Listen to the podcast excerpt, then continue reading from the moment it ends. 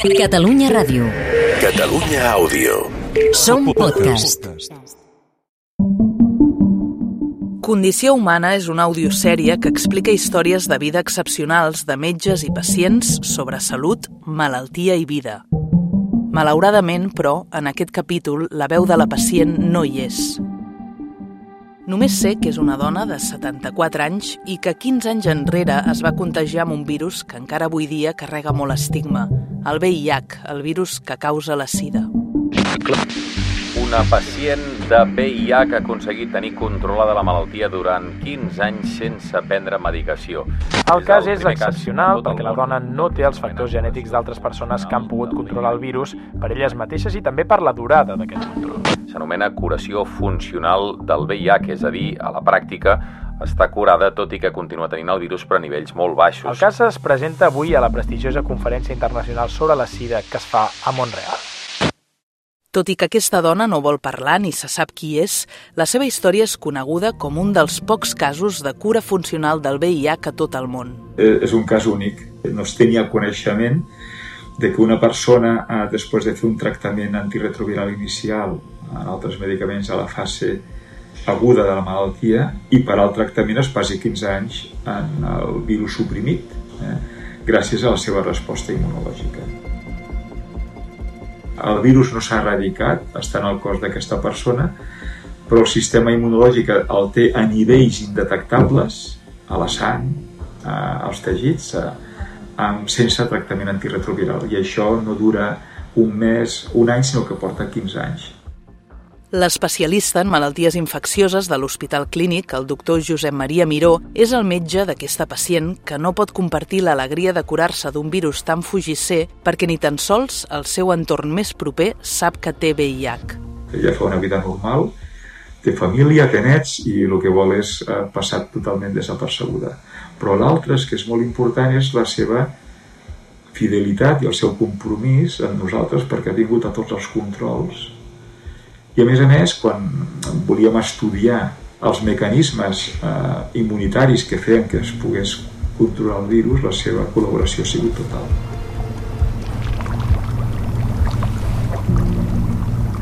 M'hauria encantat conèixer la pacient de Barcelona, parlar amb ella i que fos una de les protagonistes d'aquest capítol, però aquesta dona vol mantenir l'anonimat. Tot i això, ha col·laborat amb la ciència durant molts anys, com explicava ara el doctor Miró, perquè els investigadors puguin avançar en el coneixement d'aquesta malaltia. Hem pogut treure mostres de sang, eh, mostres de teixit rectal, etc per poder estudiar el virus tantes vegades com ha fet falta i la seva col·laboració per la, per la recerca ha, ha sigut completa no? i des d'aquí un agraïment immens a la seva col·laboració.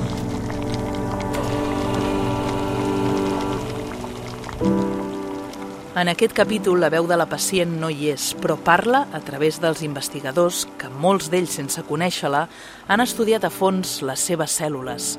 Unes cèl·lules que, sense saber encara per què, han aconseguit mantenir a ratlla el virus del VIH sense haver de prendre cap tipus de medicació.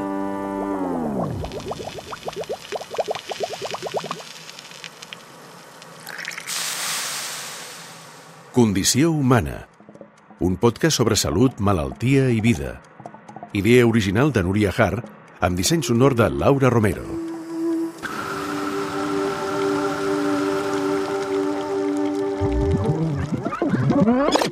Acquired immune deficiency syndrome, or AIDS, started as an exclusively gay disease. This depression of the immune system can lead to a rare form of cancer, A principis dels anys 80 es van detectar els primers casos de sida a San Francisco i Nova York, una malaltia que es va batejar amb el malnom de càncer gay perquè afectava sobretot homes que tenien sexe amb homes. Fa 40 anys, aquest virus era totalment desconegut i el desconeixement, la por i que afectés col·lectius marginalitzats van jugar a favor de l'estigma. Va ser una època molt dura, així com en la eh, Covid la resposta social ha sigut completa. En aquella època eh, doncs, ningú volia veure un malalt VIH. I, i dintre de la, del sistema de salut tampoc tots els professionals volien veure malalts amb VIH. No? I, I van ser eh, les persones que ens dedicaven a, a la medicina interna i a les malalties infeccioses, sobretot, no? els que tractaven aquestes persones. Persones que no tenien al començament cap tipus de tractament i que es morien una vegada feien la malaltia en un any, un any i mig. No? Vull dir, eh, jo recordo molt bé tindre a la sala doncs, 10-12 eh, persones amb sida i el, el divendres i el, i el dilluns que quatre es haguessin mort gent de, de 25-30 anys 35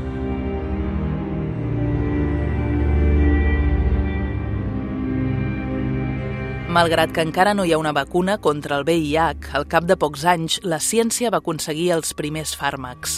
Avui la medicació antirretroviral ha aconseguit cronificar la malaltia i que les persones amb VIH puguin conviure amb el virus i fer vida normal. Tot i això, hi ha alguns pacients, molt pocs, que aconsegueixen mantenir el virus a ratlla sense medicació. have read and heard recently in the media, I am cured of the AIDS virus. El pacient de Berlín, el pacient de Londres i el pacient de Düsseldorf són tres d'aquests casos excepcionals de cura funcional, però aquestes persones van aconseguir la cura funcional gràcies a un trasplantament de medula òssia.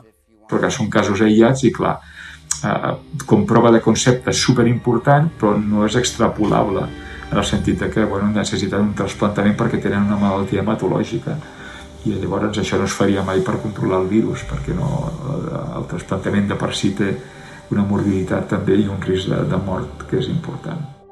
Aquest no és el cas de la pacient de Barcelona, voluntària en un estudi que buscava reforçar el sistema immunitari amb una combinació d'antirretrovirals i altres fàrmacs com els immunosupressors. I què buscaven en això, tot des d'un punt de vista teòric? pues que si hi havia cèl·lules que eren capaces de reconèixer les partícules del VIH, poder-les expandir de forma clonal i que fossin molt més majoritàries per controlar el virus. I després es feia la prova definitiva que era parar el tractament. I eh, en aquest cas, pues, aquest cas no, no, no va rebotar mai més fins ara. La pacient de Barcelona és l'única dona d'un assaig clínic on van participar una vintena d'homes i l'única voluntària d'aquest estudi que ha aconseguit controlar el virus sense prendre medicació. Perquè nosaltres el que sabíem en aquesta persona és que tenia el virus indetectable, doncs 5 anys, 10 anys, 15 anys, però no sabien el mecanisme. Llavors el gran mèrit és el mèrit dels investigadors del laboratori que han sabut identificar, no és com buscar una agulla a un paller no? exactament quines són les cèl·lules del sistema immunològic que controlen la replicació viral i ho han demostrat d'una forma molt elegant al laboratori.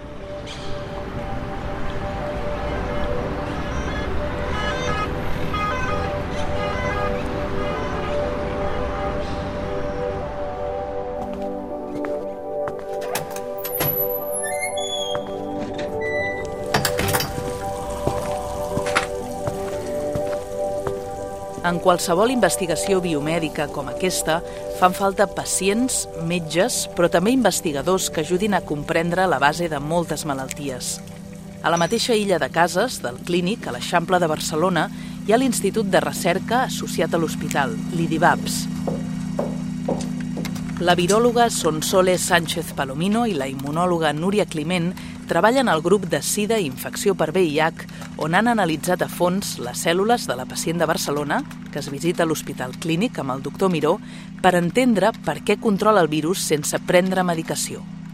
Entonces, lo primero que, que intentamos buscar fue cómo era el virus de esta señora, porque claro, lo, eh, podría que no estuviera, que hubiera desaparecido, podía que fuera defectivo y por eso no, no infectaba, o era, era buscar el virus, qué le pasaba al virus para que no replicara en esta señora. Entonces nos encontramos con que era un virus que no era defectivo, o sea, que era un virus replicativo, que era capaz de infectar cuando le sacábamos del, del cuerpo de la señora y lo poníamos en cultivo, nosotros éramos capaces de ver cómo replicaba y eso lo demostramos en el laboratorio. Les investigadores van aïllar el virus i el van cultivar al laboratori per la primera pregunta. Com explicava ara la Sonsoles, el virus del VIH de la pacient de Barcelona era capaç d'infectar. Per tant, la dona no l'havia controlat perquè fos defectuós, com passen alguns pacients, sinó per algun altre motiu. ahí se nos encendió una bombilla y dijimos, bueno, quiere decir que dentro de todas las células del paciente hay algunas que están impidiendo que replique. Entonces eso eh, hizo que empezáramos a buscar qué células estaban inhibiendo la replicación del virus. El virus del VIH era capaç de replicar-se dins les cèl·lules de la pacient de Barcelona al laboratori, però no el seu cos. Les investigadores pensaven que la resposta la podien tenir algunes de les moltes cèl·lules que componen el sistema immunitari, que està format per molts tipus de defenses diferents que ens protegeixen contra les infeccions. Entonces lo que hicimos fue un ensayo en el cual separamos distintas células, separamos los CD4, separamos las CD8 y separamos las NKs, ¿vale? Y ahí hicimos otro ensayo de, con infección con un virus de laboratorio y entonces comprobamos que las células que estaban ejerciendo la inhibición de la replicación eran CD8 o NKs.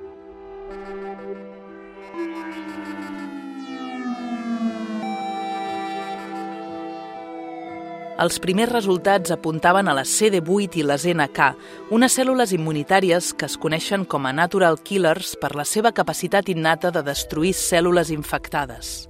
Pero claro, CD8 o NKs hay muchas. Entonces ahí es donde pensamos que lo ideal era caracterizar esas cèl·lules.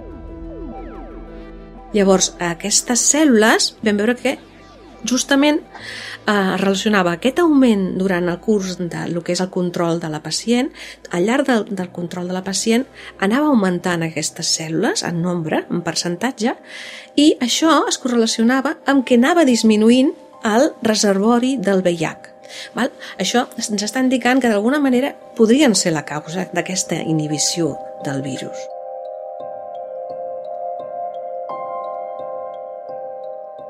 Les investigadores tenien una nova hipòtesi. La CD8 i les natural killers podien ser les responsables de mantenir a ratlla el virus. Aquestes cèl·lules, les dues són de la immunitat innata, no l'adaptativa, que és la que fins ara tothom estava buscant com a diana per fer nous, noves vacunes. Nosaltres, la novetat és que en, en aquesta pacient, en concret, qui està fent el control no és la immunitat clàssica, l'adaptativa, sinó una innata especial que també té característiques de memòria a llarg termini contra patògens. I aquesta és la novetat. El que sabem ara són quines d'aquestes cèl·lules són les que són capaces de lluitar contra el virus, i això és molt important, perquè podem buscar altres estratègies per potenciar-les i que altres pacients es puguin beneficiar aquestes cèl·lules ara potencialment obren un camí molt, molt, molt, molt important a l'hora de que si intentem d'alguna manera simular això o intentem potenciar aquestes cèl·lules en altres pacients que, que tinguin les mateixes característiques que, que aquesta pacient o similars, podríem també eh, fer que es, es tornessin controladors post-tractament com ho és ella.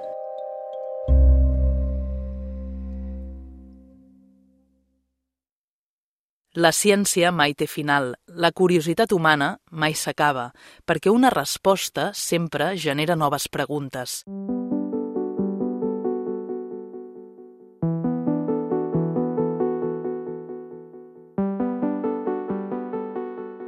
En el cas de la pacient de Barcelona, la seva edat, 74 anys, que és un dels pocs detalls que se sap de la seva vida, és un element interessant per continuar formulant noves hipòtesis. L'estudi no ha acabat perquè ara continuarem seguint-la. Ara podem veure una cosa molt rellevant. Si és si la immunosenescència natural per envellir, que tots tenim, pot mantindre aquest control de la replicació viral. Vale? I això, pues, si tot, ojalà, no, no perdi el control, pues, serà molt interessant veure què passa pues ara té 74, pues, al 79 o als 80 anys, no? que ja és a partir dels 70 és quan es produeix eh, és més tard a les dones que als homes la immunosenescència. No? A veure si això té alguna implicació, per tant, continua sent molt important el poder estudiar si aquests mecanismes que s'han generat es mantenen al llarg del temps. No? La pacient de Barcelona ha revolucionat el coneixement del VIH des de l'anonimat, però ha cedit part de la seva intimitat per contribuir a l'avenç de la ciència. Bueno, l'ha compartit en tota, la, en tota la societat mèdica, que això és el més important. Ella doncs, ha, ha vingut tantes vegades com ha fet falta per repetir experiments, perquè per tindre aquestes cèl·lules es necessita treure molta sang. Vale? I per tant, ha, contribu ha contribuït d'una forma altruista a que tots aquests estudis es poguessin, es poguessin fer i més estudis que farem en un futur, vale? el qual penso que la seva generositat és en aquest sentit extraordinària. Bueno, clar, jo sento parlar de la pacient de Barcelona a nivell humà i cada vegada que ha donat cèl·lules, doncs no només li treia 50 litres, se li treia 100, 150 litres de sang, vull dir, clar, se li treien quantitats importants i, i venia i, i se li feia, i clar, nosaltres dèiem, oi, mira, que generosa que ens dona tot això, perquè puguem fer tots els anàlisis que hem hagut de fer amb ell, amb, amb la seva sang i amb les seves cèl·lules. Mm -hmm. Vull dir que gràcies a això eh, la ciència avança. Si no, si no hi ha donants, no, no hi ha experimental.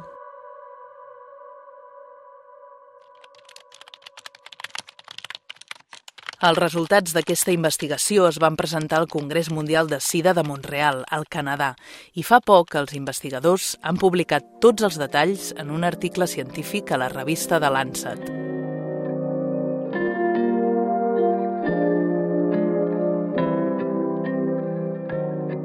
Aquesta és la història de la pacient de Barcelona explicada sense la seva veu, la història de les seves cèl·lules, unes cèl·lules que diuen molt sobre com la ciència pot tenir noves estratègies per aconseguir la cura de malalties que afortunadament s'han cronificat. La pacient de Barcelona vol ser anònima total perquè és que ella és una persona totalment totalment eh, normal en, tot el, en tots els seus àmbits. Vull dir, eh, de fet no saben la seva família que, que és seropositiva amb la qual eh, això vol dir que realment és un èxit és un èxit que, que una persona mm, tingui aquesta condició i no afecti absolutament per res la seva vida personal i ella té tot el dret a voler ser anònima perquè justament no vol que s'alteri la seva vida en aquest sentit.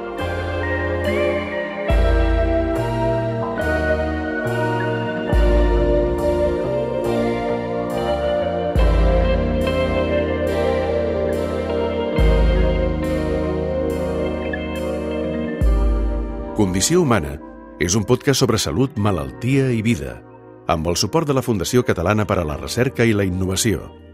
Direcció, guió i locució, Núria Har. Disseny sonor, Laura Romero. Il·lustracions, Cinta Fosc. Assessorament lingüístic, Agnès Fourcade. Estudi de gravació, Josep Morera.